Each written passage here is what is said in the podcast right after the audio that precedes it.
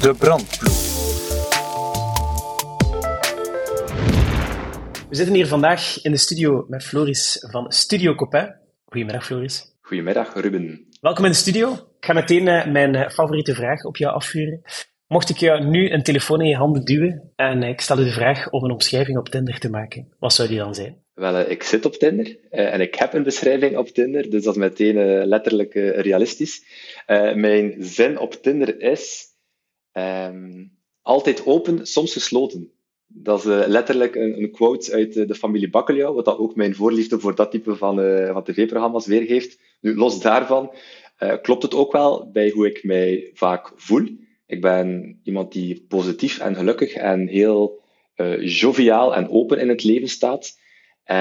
Maar ik heb evenveel nood om af en toe een keer op mezelf mee te kunnen terugtrekken. Uh, in mijn eentje de natuur in te trekken. En heel vaak toch in het weekend heb ik toch een paar uur nodig om mezelf eventjes te kunnen ontprikkelen. Dus altijd open, soms gesloten, is letterlijk mijn quote op Tinder. Floris, um, Mocht ik u de vraag stellen wat het compleet omgekeerde is van wat jij doet met Studio Copain, wat zou dat dan zijn?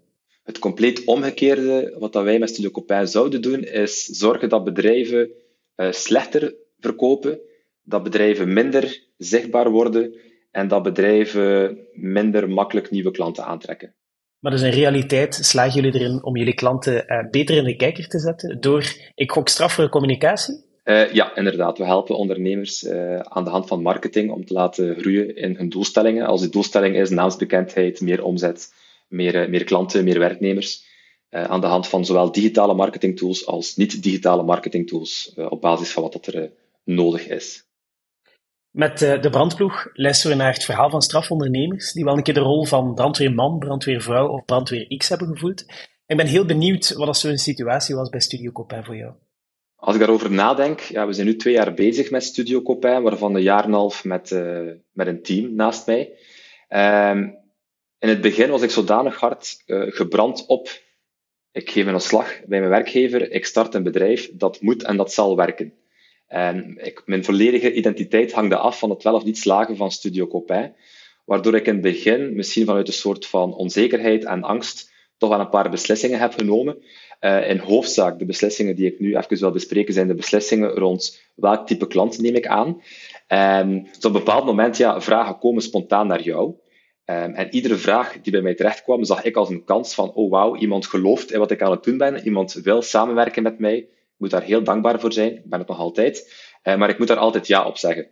Ook als blijkt uit de intake dat die klant eigenlijk een non-believer is van marketing, zelf als het budget heel, heel, heel klein is voor, versus de verwachtingen van de klant, dan nog had ik iets in mij, is het eh, een people pleaser? Eh, geen idee. In elk geval, ik wou en ik zal met die persoon tot een soort van overeenkomst komen om te kunnen samenwerken. Dat was eigenlijk het domste wat ik kon doen op dat moment. Um, want ja, iedere klant dat je niet 100% tevreden van bent, is nadien een serieuze, brand, een serieuze brandliever dat je moet gaan, gaan blussen. Dus zo heb ik er zeker het eerste jaar uh, heel veel gehad, waarvan mijn buikgevoel in het begin zei van dit wordt het niet. En waarvan ik toch dacht van, wat is een kans, ik moet hem grijpen, we gaan wel zorgen dat het werkt. Um, en dan heb je vooral een ontevreden klant op het einde van de rit. Heb je zelf, ikzelf en mijn team heel veel energie verloren. Um, af en toe ook wel wat onvrede onderling onder elkaar. Uh, en op het einde van de rit een ontevreden klant die nooit, wat dan nooit uw, uh, uw einddoelstelling is natuurlijk als je een bedrijf start, dat je ontevreden klanten zou hebben. Dus dat heeft ons heel veel energie gekost, heel veel um, tijd en energie, omdat ik eigenlijk op dat moment niet de ballen had om nee te zeggen tegen sommige klanten. Dus die branden die toen zijn geblust, uh, waren pittige, zeker als je net start. Wat was voor jou een beetje uh, het eerste signaal waarbij dat je merkte van oei, er staat hier toch wel effectief iets in brand? Wat is een beetje de, de eerste rookgeur geweest eigenlijk voor jou? Dat heeft best wel lang geduurd, als ik eerlijk mag zijn. Uh, het, het, het, nadeel van als je positief bent, hè, dan is dat dat je ook iedere situatie die eigenlijk negatief is, uh, terug toch probeert positief te, te zien. Dus het duurde echt wel een paar meetings met, met een bepaalde klant bijvoorbeeld, alvorens ik doorhad van, eigenlijk verwacht die klant iets van ons, wat dat wij nooit beloofd hebben. Uh, en daarnaast, die klant was ook van nature misschien sneller uh, negatief ingesteld. Uh, dus vanaf het moment dat ik nu merk in een intakegesprek met de klanten, dat er heel veel negativiteit wordt opge, opgerakeld van en dat werkt niet, en dat werkt niet, en eigenlijk geloof er niet meer in, en de business draait misschien niet meer helemaal zo goed. Toch, jullie zijn onze laatste, hoe zou ik zeggen, strohalm, uh, Studio Copain, jullie moeten ons redden. Um, ik heb gemerkt dat wij daar niet de juiste partij voor zijn. Dus het moment dat ik negativiteit merk, um, en iets minder objectief, maar wel heel subjectief, en toch uit het verleden al gebleken dat het mij wel geen windeieren legde, is mijn buikgevoel.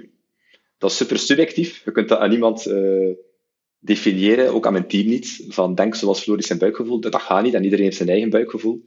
Uh, je kunt enkel maar de waarde van je bedrijf meegeven. Maar mijn buikgevoel is er eigenlijk nog niet zo heel veel naast zitten. Als het gaat over dit is een goede klant voor Studio Copain versus dit is geen goede klant. Dus uh, ja, ik, ik teer wel op mijn buikgevoel in deze fase nog. Zou dat iets zijn waar dat je uh, eventueel in de toekomst naar op zoek gaat? Een beetje de um, procesmatige uitleiding van wat is nu eigenlijk de perfect fit voor Studio Copain uh, qua type klant? Ja, zeker. Uh, na die eerste periode van een jaar ongeveer, uh, waarin ik merkte van dit klopt niet. Wij gaan hier klanten aan puur en alleen omdat we denken van we hebben die klant nodig om te overleven. En ondertussen hebben we intern een lijst gemaakt met criteria van onze ideale klant. Uh, die klant moet van nature positief overkomen, is een hele belangrijke. Ik denk dat dat pijler nummer 1 is. Pijler nummer 2 is lichte verwachting versus de, het budget dat we daarvoor nodig hebben. Ligt dat in lijn met elkaar?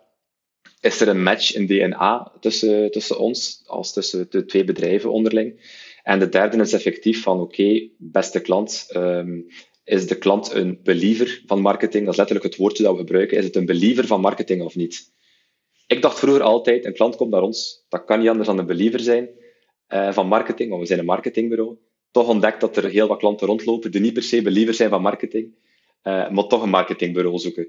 En ik heb op dit moment, houd vasthouden, de luxe om tegen die klanten eigenlijk eerder nee te zeggen. Ja.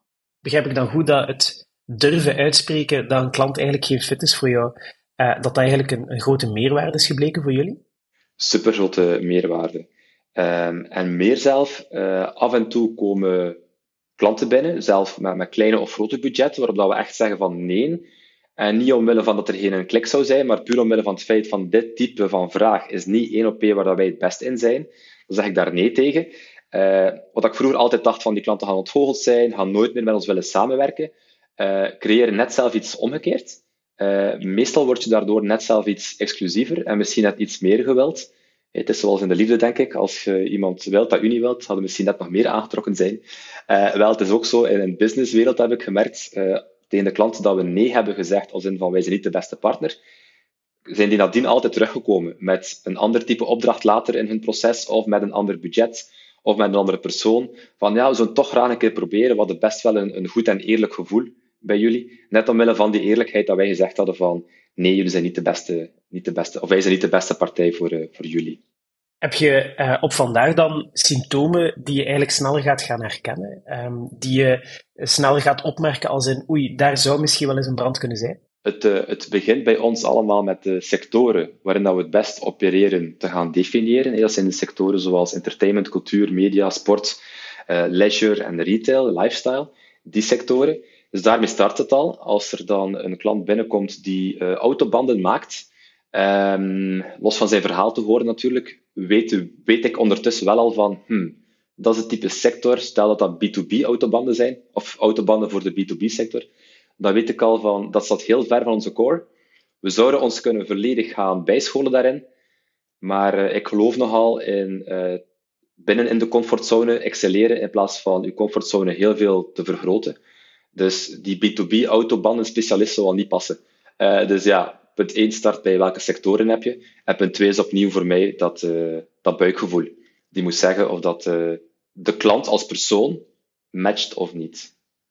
Het mag een mega leuk bedrijf zijn als die persoon aan de overkant echt geen match is. En je weet op voorhand, het zal heel veel frustratie en energie kosten. Dan denk ik dat ik het toch liever niet zou doen. Ja.